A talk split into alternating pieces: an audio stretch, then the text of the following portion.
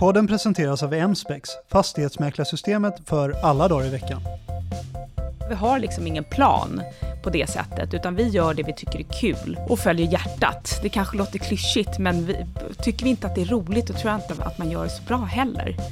Om du vill bygga ett gemensamt varumärke så måste du ju kanske också kunna motstå det där att anställa den där primadonnan som kan ta med sig en himla massa kunder men som samtidigt är me, myself and I. Tak över huvudet, tak, tak över huvudet, tak över huvudet, tak, tak över huvudet, tak över huvudet, tak, tak över huvudet, tak över huvudet, tak, tak över huvudet, tak över huvudet. Du lyssnar på Tak över huvudet, en podd om bostäder, bostadsaffärer och livet som fastighetsmäklare. Det här avsnittet handlar om något som alla fastighetsmäklare på ett eller annat sätt måste förhålla sig till, nämligen varumärket. Med den tuffa konkurrens som råder i mäklarbranschen och det faktum att fastighetsmäklartjänsten i grunden är densamma oavsett vilken mäklare du vänder dig till, så blir varumärket kanske ännu viktigare än i många andra branscher. I mäklarbranschen så har du dessutom både det personliga varumärket och företagets varumärke att ta hänsyn till. En utmaning inte minst. Så varumärket, det är det som vi ska prata om i dagens avsnitt. Men innan dess så ska vi ha ett kort försnack. Jag och min gäst här i studion, Jenny Persson, som är chefredaktör på Mäklarvärlden. Välkommen Jenny! Tack Joakim, kul att vara här äntligen. Vi ska ju nu framöver göra den här podden tillsammans och vi har gjort några avsnitt tillsammans. Det eh, har eh, vi eh, bestämt att vi ska göra eftersom att vi vill kunna hitta mer relevanta ämnen och mer relevanta format för alla fastighetsmäklare där ute. Jag tycker så här långt att det känns väldigt bra och att vi har lyckats just hitta den där relevansen allt mer. Vad tycker du själv? Jag tycker det är jättekul att vara med och göra podden och jag ser en vinning i att eh, reportagen i vår tidning kan få ett längre liv genom att man korsbefruktar podd och tidning. Precis som de vi intervjuar i podden kan få längre liv i tidningen. Och eh, att vi har lite olika ingångsvinklar, det, det tror jag är bra. För då tänker man på lite olika sätt. Ni är en medlemsorganisation och vi är branschens tidning. Mm. Så, så jag ser fram emot att uh, fortsätta vara med på den här resan. Men eh, Jenny, du är ju faktiskt entreprenör själv. Du driver eh, två tidningar eh, och därmed så gissar jag att du, du har en del tankar och insikter i både entreprenörskapet och varumärkesbyggandet. Om, vi, om vi tar din andra tidning, Aktuell Säkerhet, Ehm, hur har du tänkt kring varumärket där? Där tänker jag liksom att det är ändå en ganska så traditionell bransch och samtidigt så, så pågår digitalisering och annat och med det kommer eh, en hel del utmaningar, inte minst då för, för tidningens varumärke. Hur tänker precis. du kring det? Ja precis, det här är ju en, som du sa, det är en, det är en mer traditionell bransch, lite mer konservativ skulle jag säga och eh, tidningen har funnits i 35 år och jag tog över den för två år sedan nu snart då. Så där har vi påbörjat en resa från ett väldigt stabilt och eh, etablerat varumärke som vi på något sätt vill eh, vi vill ha kvar det här stabila men det ska ändå kännas fräscht och vara med i tiden. Och det är en liten, det är en liten resa där man får tänka. Så jag ser väldigt mycket fram emot eh, den här, en av intervjuerna som kommer senare med en varumärkesexpert lite tänker jag också ta emot lite tips. Vad kan man tänka på just när man har ett stort och stabilt varumärke, man har funnits länge, men så måste man ändå på något sätt fräscha till det för att känna mm. att man, man hänger med i den här digitaliseringsresan. Mm. Och det, alltså, om man kollar på andra branscher så kanske Volvo är några som ändå har, har ja, gått från att anses verkligen. vara tryggt och säkert och kanske lite tråkigt. Och nu börjar man komma in och kännas lite mer nutid, lite mer fräscht och fler är nyfikna på. Så. Jag tror, eh, jag tror att den där utmaningen är säkert många fastighetsmäklarföretag som har också att de har väldigt starka varumärken som är en garant för, för trygghet och, och tradition och stabilitet på många sätt. Eh, och, och, man vill bevara det samtidigt som man vill föra in varumärket i, en mer modern och digital eh, kontext. För man måste ju någonstans också finnas där, där kunderna finns, eller hur? Eh, så det känns som att det är en utmaning som, som väldigt många branscher står inför idag. Precis, och den här digitaliserings... Eh, som vi ser nu, det är, ju ändå, det är ju relativt nytt. Vi har inte haft det här så himla länge. Så jag tror att man... Det, vi är nog fortfarande lite där att vi provar oss fram. Liksom, vad är det här och vad Mm. behövs för att lyckas? Och vad, vad, vill, vad vill våra kunder ha? Så att det, jag, jag tror det är en resa för alla. Det vi liksom ska hitta fram. Mm. Och så kommer det hända något nytt så kommer vi få tänka om igen. Men det är lite, ja. Ja, men det, det stämmer nog väldigt eh, väl att det, det är en del av, av hela resan, att man labbar lite och vågar pröva. Och, men det är klart, det, det är samma sak där, att eh, då, då eh, kan nog många känna att de riskerar det här trygga och stabila varumärket när man ger sig ut på okänd mark. Eh, och det kanske är också det som är anledningen att eh, många tvekar inför det och känner att de vill ha goda råd eh, inför den resan. Och det ska ju eh, våra lyssnare faktiskt få idag också. Mm, precis, vi ska ha en av Sveriges bästa varumärkesexperter här. Och så ska vi också få lyssna på en av grundarna till bagerikedjan Fabrik som ju har gjort en resa på en väldigt konkurrensutsatt marknad, precis som mäklarmarknaden är. Så det, det, det ser jag fram emot att höra, hur, hur hon tyckte att eh, den resan gick, hur man slog sig in där. Ja, men med det sagt då, Jenny, så ska vi kasta oss in i eh, dagens innehåll. Eh, och eh, du ska ha stort tack för att du var med här idag. Lyssnarna kommer att få höra mer av din röst framöver. Ser vi fram emot. Mm, jag med, tack så mycket! Tak över huvudet. Jag befinner mig på Nybrogatan 6 på Fabriks bageri och café. Bakom disken eh, och bakom en nästan hemlig dörr. Mitt emot mig sitter Charlotta Zetterström. Hej. Charlotta, berätta lite om dig själv. Ja, jag heter Charlotta Zetterström, är, eh, driver Fabrik Stenungsbageri tillsammans med min man David Zetterström. Och vi har drivit Fabrik sedan eh, 2008, oktober 2008. Eh, innan vi startade Fabrik så jobbade både David och jag eh, runt efter studenten extra på ett bageri och det var så vi träffades. Sen så pluggade både David och jag också, eller vi pluggade ekonomi till civilekonomen på universitetet och han jobbade lite inom bank och jag jobbade med finansiell information några år, men vi var alltid sugna på liksom att, att driva någonting tillsammans och någonting eget. Och det vi kunde då, som vi ändå fortfarande brann för, det var bröd. Så att eh, 2008, runt sommaren där, så såg vi att det fanns en liten tobakskiosk på Skelgatan till försäljning. Som vi kände att ja, men den här kan vi nog ha råd att köpa. Eh, och sen så hittade vi ett bageri ute i Kärrtorp, också till salu. Så vi kunde baka i. Eh, så vi fick eh, tack och lov ta lån på lägenheten och något litet blankolån för att skramla ihop till den här insatsen. Och sen så körde vi igång där 2008. Eh, och eh, har vuxit eh, organiskt sedan dess. Så att nu har vi 16 eh, butiker, bageri, kaféer i Stockholm och sen har vi fyra ställen. Vi håller på med det femte i London och sen så har vi även Rute stenugnsbageri på norra Gotland som ett sommarbageri. Öppet två månader per år. Det är ju en ganska så snabb och ordentlig resa får man säga som, som Fabrik har gjort. Eh, Bara lite snabbt några, några nyckeltal sådär. Hur många anställda har ni och hur mycket omsätter ni? Eh, det är ganska, vi har ju ganska, väldigt många extraanställda, men jag tror att vi är runt kanske totalt med London 180-200 anställda. Eh, och vi omsätter i alla bolag, London, Sverige, RUT, ja men kanske 95 upp till 100 miljoner ungefär. Hur föddes idén om Fabrik? Nej, men vi, vi drömde ju om att liksom starta någonting eget och eh, vi kände att det fanns en, det fattades lite ett härligt kvartersbageri dit man kunde gå i sin pyjamas som var liksom en garant för att det är bra bröd bakat på rena råvaror och på ett riktigt sätt. Vi kände att det fanns några få aktörer eh, i Stockholm 2008 men det var, hade liksom ändå inte, det hade inte hänt så mycket.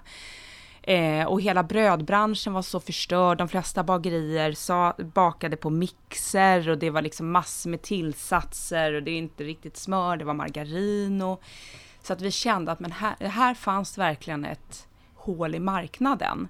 Plus att det började bubbla också, det här äkta vara kom ut. Det var liksom just att vi började inse att vi kanske har stoppat i oss ganska mycket e-ämnen under vår uppväxt. Så att vi eh, eh, började liksom, vi ville verkligen och vi brinner för bröd. Eh, så att vi kände att ja, men det här skulle nog kunna funka. Och det gjorde det. Den dagen vi slog upp dörren på Skelegatan så var det folk som kom och var så här, äntligen finns det ett riktigt bageri. Mm. Och, som, och bröd smakar som det ska göra och liksom baka på ett riktigt sätt. Så. Ja, för det känns ju verkligen som att eh, ni var föregångare till det där. Idag när man eh, går runt på Stockholms gator så är ju Fabrik faktiskt ett, ett eh, ganska så, eh, så tydligt inslag i gatubilden till och med. Men det finns ju också en hel del andra eh, lite mer hantverksmässiga, eh, hant, hantverksmässigt inriktade bagerier. Eh, så att det känns som att ni, ni var egentligen med och startade den trenden på något sätt. Ja men verkligen. Så att, och det känns jätteroligt för oss. Och vi är också ett levande exempel på att man kan liksom skala upp hantverket. Så att det spelar ingen roll om vi har liksom 16 butiker som vi har idag eller en butik så bakar vi på precis samma sätt. Vi bakar bara fler kardemummabullar eller fler levain. Så.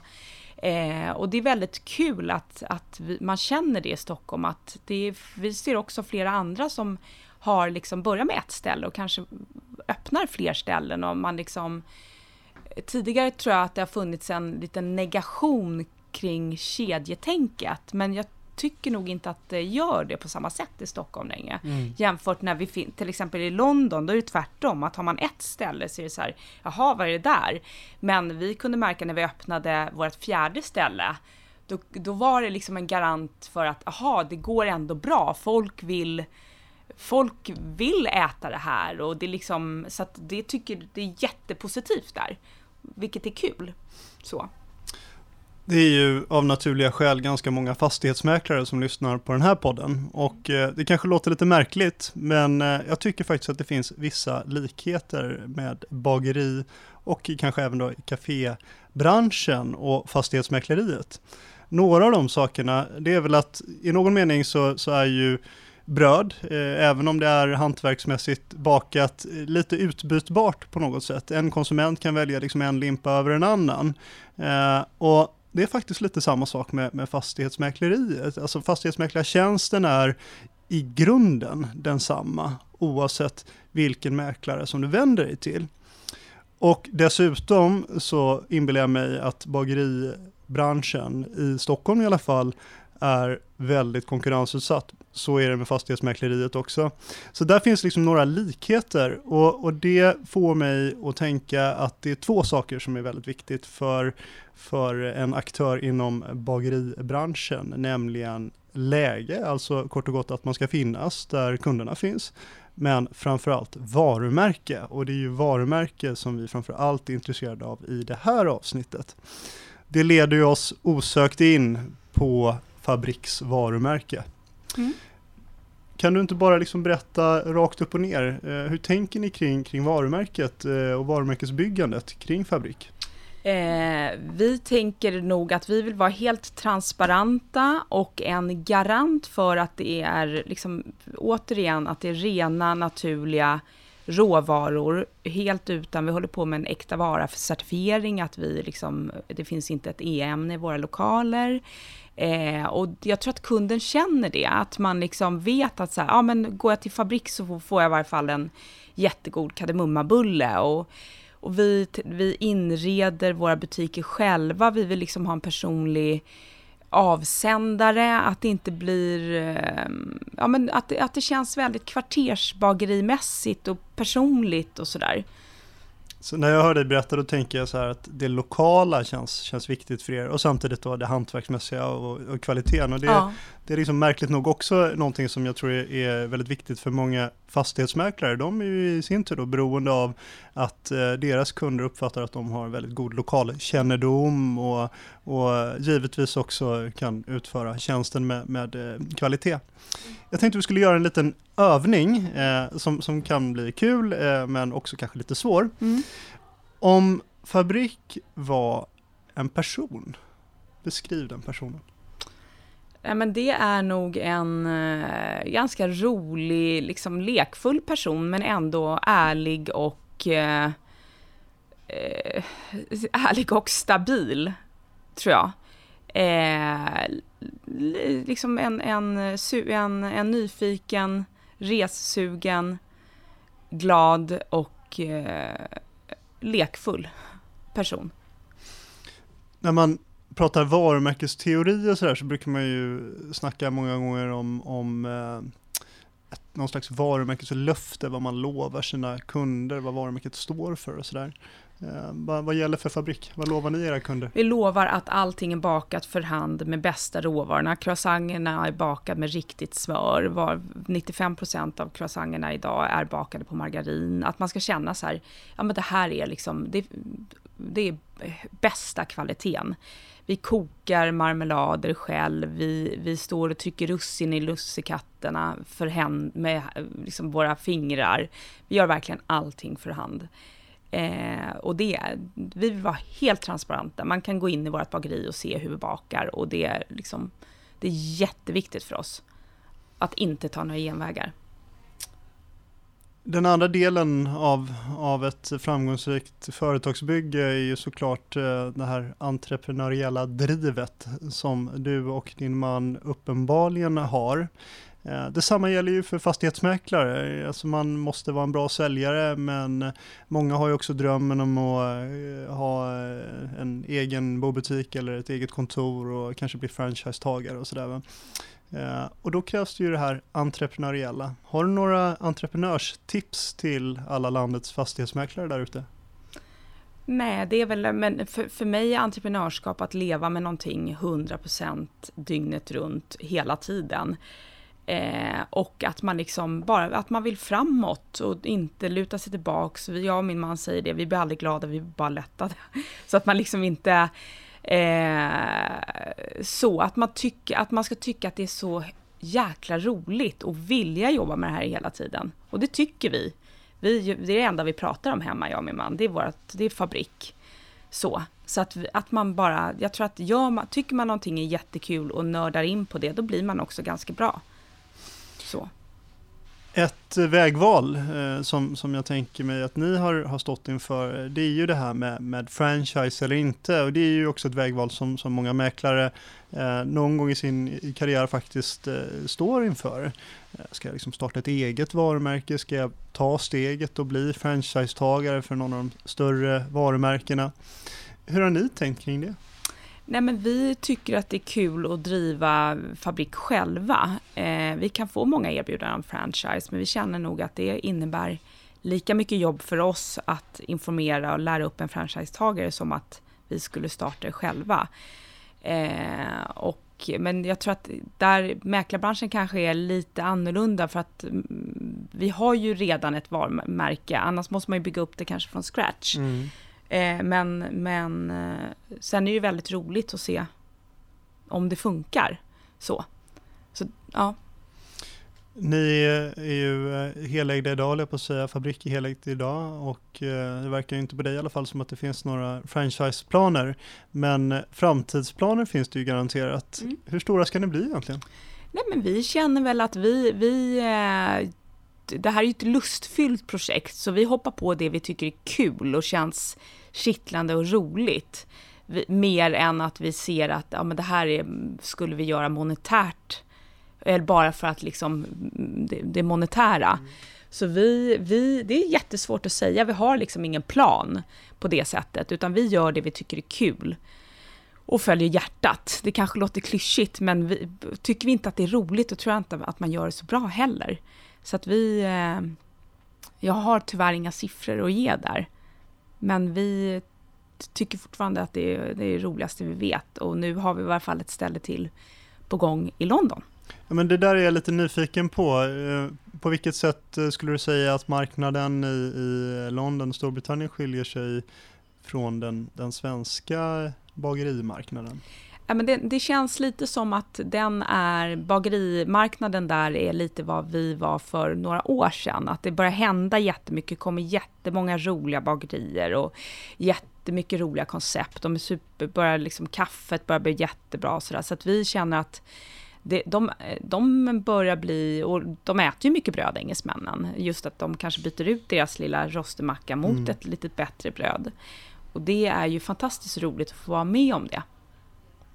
Både du och din man hade etablerade karriärer. Eh, jag gissar eh, liksom eh, ganska väl avlönade och sådär när ni bestämde er för att hoppa av och göra någonting annat. Det där är väl en dröm som, som rätt många har, men ni vågade ju. Ni tog ju steget. Ja, och vi hade lite tur där också när vi hoppade av, för att det var precis under finanskraschen 2008. Och min man jobbade då på Carnegie eh, och då kunde han få tjänstledigt. Eh, för att det, så att han kunde ändå ha fötterna kvar, ena foten kvar där och andra i bageribranschen. Och jag var också tvungen att jobba kvar på mitt eh, jobb initialt för att vi skulle kunna garantera lånet.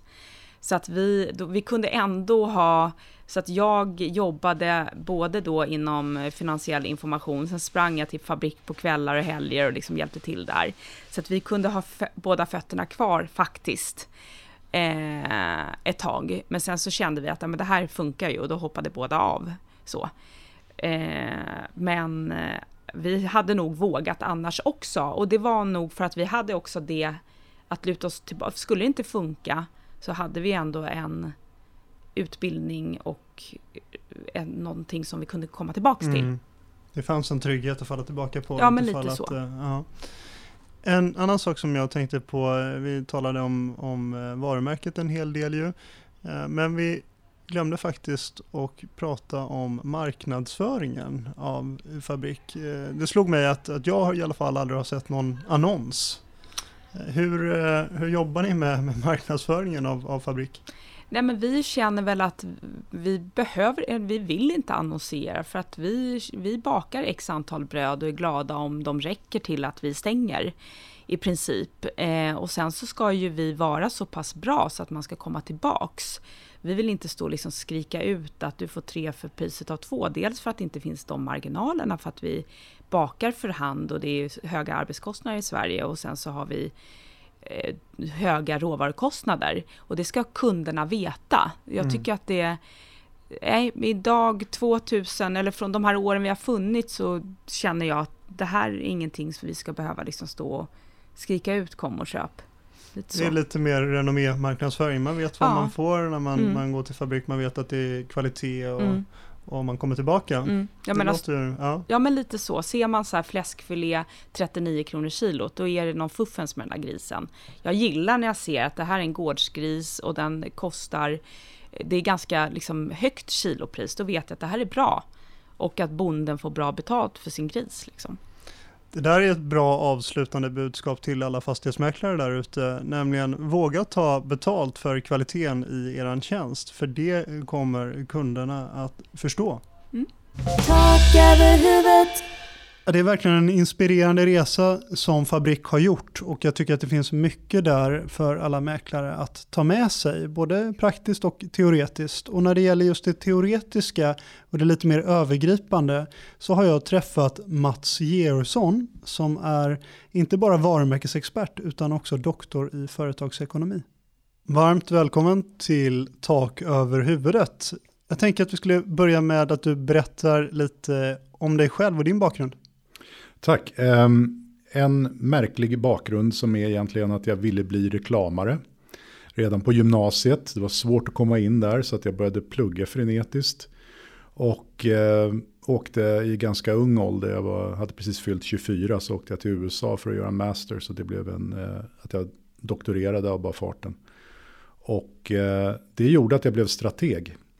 Eh, det vill säga att jag fick inte vara med och göra reklam i stort sett, utan det var mer så här, vart ska det här varumärket vara om tre år? Och det har jag egentligen, det blev min karriär. Men det är jag glad för idag. Det här avsnittet handlar ju just om varumärket, varumärkesbyggandet och kanske mer specifikt då förutsättningarna för varumärkesbyggande för eh, fastighetsmäklare. Eh, men jag tänker ändå att det är alltid bra att börja från scratch på något sätt och göra det också så enkelt som möjligt för oss. Eh, och om du skulle förklara vad, vad är ett varumärke och vad består ett varumärke av egentligen? Det finns några byggstenar och sådär. Vad skulle du då säga? Mm. Det där är ju faktiskt jäkligt roligt. Därför att om man läser tidningar och sånt där. Så ser man ju att varumärke använder man ju i vardagen. Alltså man kan läsa om så här, det här är inte bra för H&M's varumärke. Det här är inte bra för Ikeas varumärke och så vidare. När det händer skandaler och sånt där.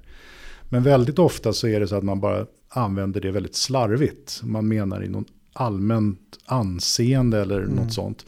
Som faktiskt inte ibland påverkar eh, efterfrågan. Det är där klurigheten kommer in. Att, eh, jag anser att man bara ska se som varumärke att det är de associationer och så som du försöker bygga upp hos folk som gör att du får en bättre business. Sen finns det en massa annat som kan göra liksom att man väljer en annan mäklare eller Mm. liknande. Men om du ska bygga ett varumärke så handlar det ytterst om att du försöker helt enkelt bygga några starka associationer som leder folk till ditt mäkleri. Eh, och det handlar egentligen om i kärnan att du väljer ett par associationer som på något sätt ska vara relevanta för kunden och göra att vissa av dem eh, väljer dig snarare än, an, eh, än att de går till någon annan. Så associationer tycker jag det låter som ett nyckelord i sammanhanget. Det är absolut ett nyckelord och det är ju så här att man kan säga, ni vet, det är det gamla vanliga. Om, om eh, man som mäklare har försökt att göra det här har man förmodligen landat på men vi ska vara jäkligt pålitliga och så ska vi vara seriösa och så ska vi vara professionella och sådär. Tumregel 1, ni tar förmodligen alldeles för många ord. Och regel 2, ni tar förmodligen samma ord som konkurrenterna. Försök att ta färre ord och försök att välja någonting som är lite annorlunda och fortfarande relevant. Sen kommer nästa grej och det är att de här orden är rätt fluffiga. Prova, eh, prova det på en kompis och säg så här, säg tre ord om eh, Samsung. Inte, säg inte telefon nu utan säg adjektiv. Hur skulle du beskriva Samsung som varumärke? Så kommer ni att höra liksom ganska stora fluffiga ord. va? Innovativa, prisvärda sådär. Och det är okej. Eh, tricket för att komma vidare och kunna bygga varumärke det är att man bryter ner så här. Vad är det vi alltid ska uppfattas som? Som gör att vi kan styra vår verksamhet. Så här. Och då, då konkretiserar man de här associationerna mer till så att säga, egna önskade upplevelser som kunden ska få. Där är det lite mer ett hantverk då. Jag kallar det för attribut. Eh, för att det mer är så att säga kännetecknande upplevelser av ett mäkleri då. Men om ni kan få ner det till att det där faktiskt är särskiljande, det är inte som alla andra mäklerier och sådär, då är ni gott på väg att faktiskt bygga ett varumärke som sticker ut. Skulle du säga att, att en bransch, en hel bransch kan ha ett varumärke också? Kan man tala i de termerna? Definitivt. Eh, dels är det ju så att forskning visar ju att trovärdighet generellt är ju ett begrepp som påverkar hur man bearbetar information. Alltså trovärdiga källor som har kompetens och som inte skruvar saker för en egen agenda. De litar man mer på. Det är därför i fast ett århundrade som eh, läkare eh, anses vara eh, så trovärdiga. Mm. Liksom. För att de, är, de besitter både massa kompetens men de har också en etisk sån här jag ska ta hand om människor för jag är läkare, jag får inte ljuga för folk.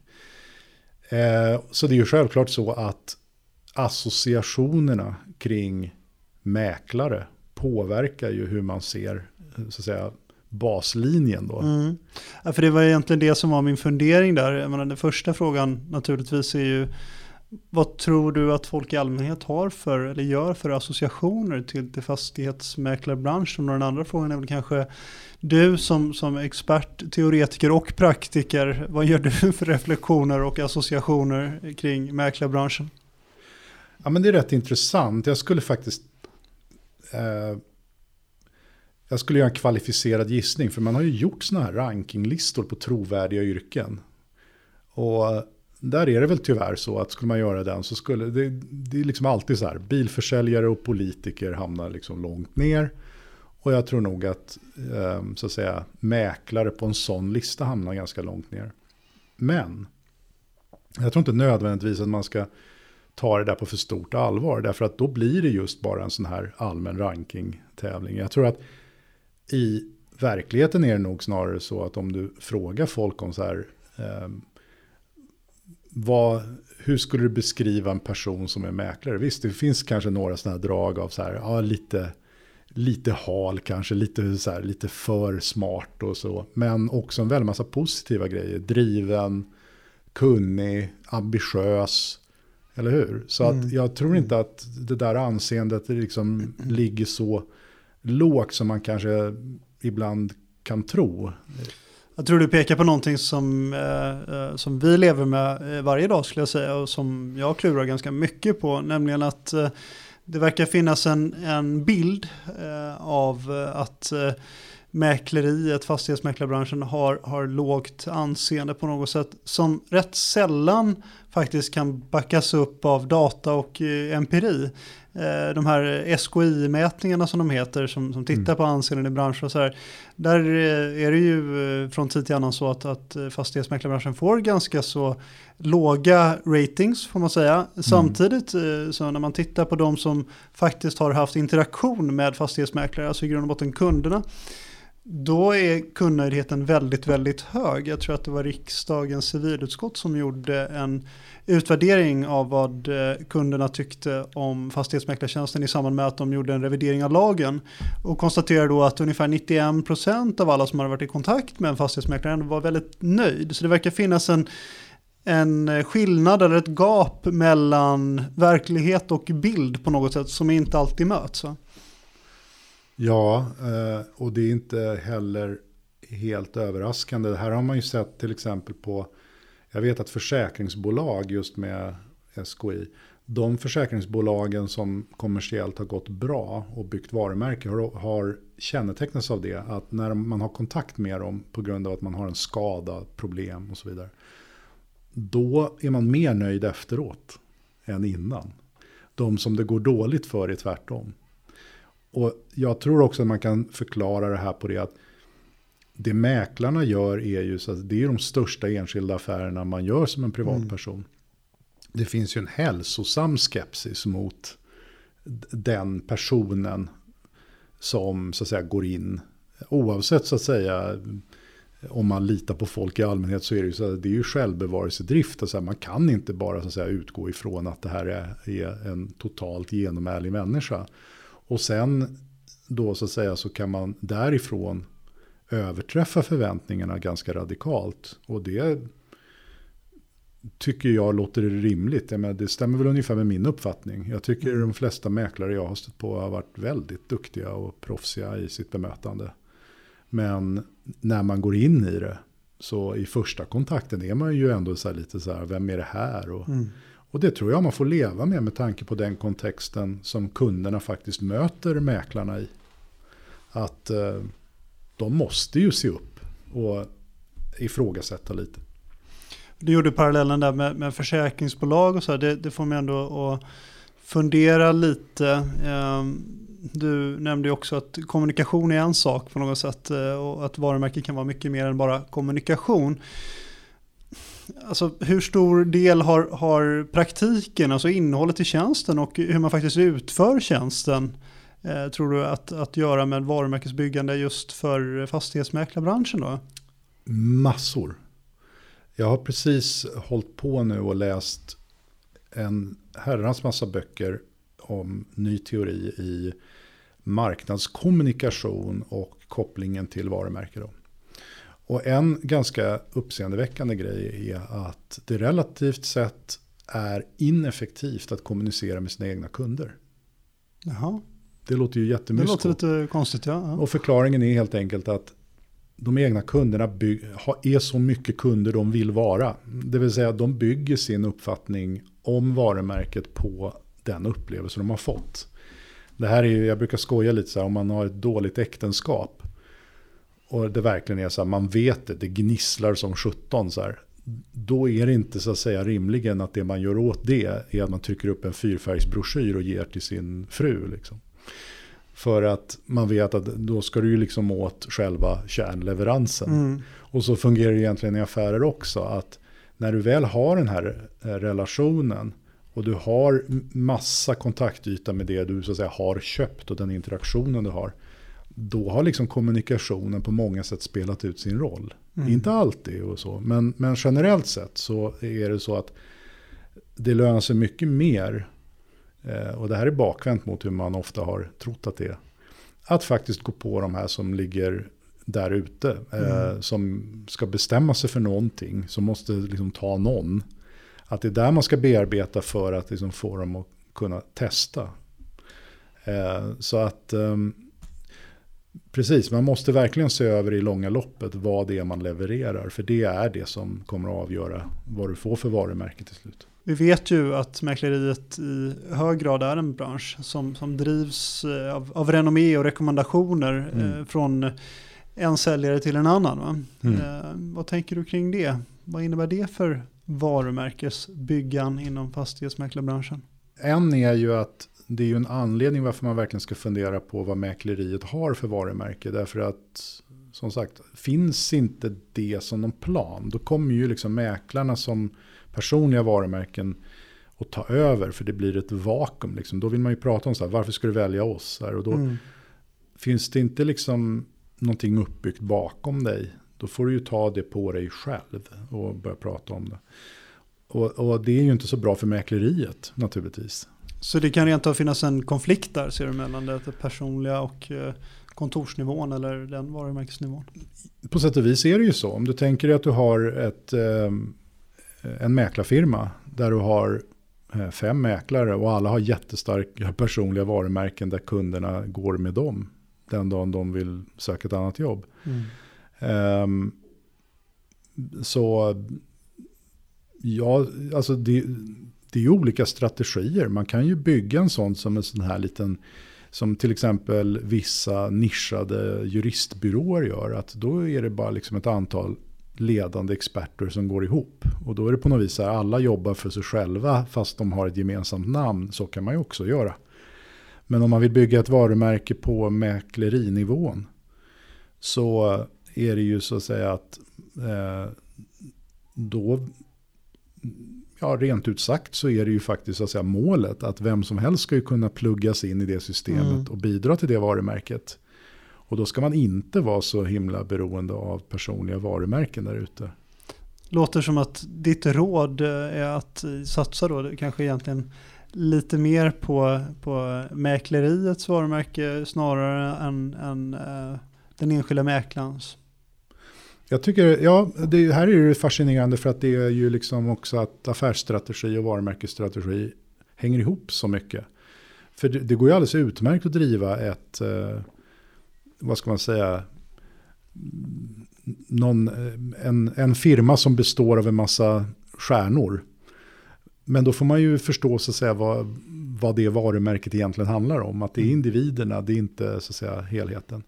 Och det styr ju också så rekrytering, vilka ska du ta in och så vidare. Och omvänt, om du vill bygga ett gemensamt varumärke så måste du ju kanske också kunna motstå det där att anställa den där primadonnan som kan ta med sig en himla massa kunder men som Mm. samtidigt är me, myself and I och inte vill dela med sig och så vidare. Så att varumärke ställer ju, alltså om, om man har en riktig varumärkesstrategi så ställer det också riktiga krav på hur man driver hela, hela sin organisation sen. Mm. Så att eh, rådet är ju som så ofta, gör inte mellantinget. För att det är ju väldigt svårt att liksom ta in den där för att man liksom känner ja men det är ju så här, det är ju ändå bra för businessen. Samtidigt som man då ska få resten att tycka att det är skitkul att jobba för gruppen. Och eh, en för alla, alla för en och så vidare. Och så finns det ett stort undantag. Då, då kommer man ju inte komma någon vart. Då. Som en liten avslutning på vårt samtal Mats, Mm. eh, så tänkte jag utsätta herr expert här för en övning. Kul, Ett underbart. case helt Ja. enkelt. Eh, och eh, det är ett ganska självklart och rakt sådant. om du själv skulle starta ett mäkleri och bygga varumärket från scratch helt enkelt. Eh, var någonstans skulle du börja? Vilka associationer och värden skulle du försöka sträva efter att förknippas med? Eh, och eh, ja, om det ryms med, hur skulle du gå tillväga de första stegen? Åh herregud. Ja, det var en ganska svår övning, eller hur? Faktiskt, men jag skulle nog... Eh, jag skulle nog till att börja med säga så här, är du, kan du inte vara marknadsledare får du nischa. Så jag skulle nog ändå säga så här, börja med att hitta en nisch. Eh, fundera ändå på så att säga om det finns några målgrupper idag som inte riktigt är nöjda med det som finns. Det behöver inte heller vara så att de är missnöjda, men det kan, det kan mer vara att man ser att de får inte riktigt det som de skulle kunna få.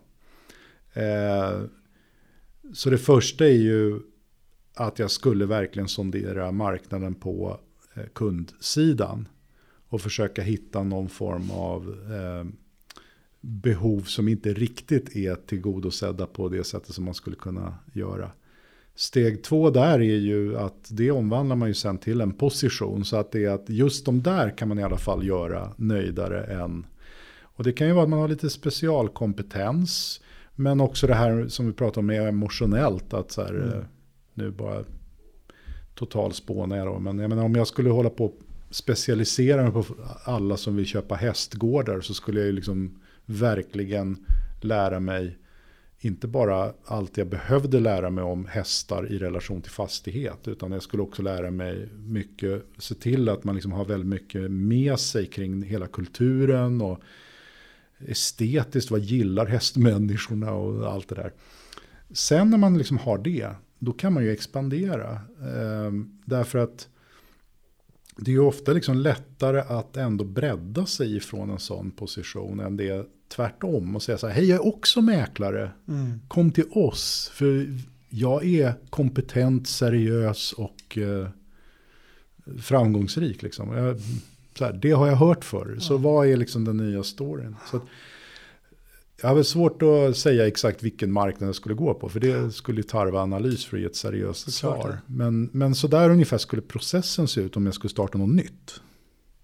Jag tror vi kommer ganska långt på det bara och eh, förmodligen så har vi sått några frön till några ivriga varumärkesbyggare där ute i fastighetsmäklar-Sverige. Mats, du ska ha ett jättestort tack för att du tog dig tid att komma och lära oss lite mer om varumärkets innersta hemligheter kan man väl säga. Tackar, jättekul. Podden produceras av Mäklarsamfundet och tidningen Mäklarvärlden. Producent är Caroline Berg. Podden klipps av produktionsbolaget Digin Larry och jag, jag heter Joakim Lusensky.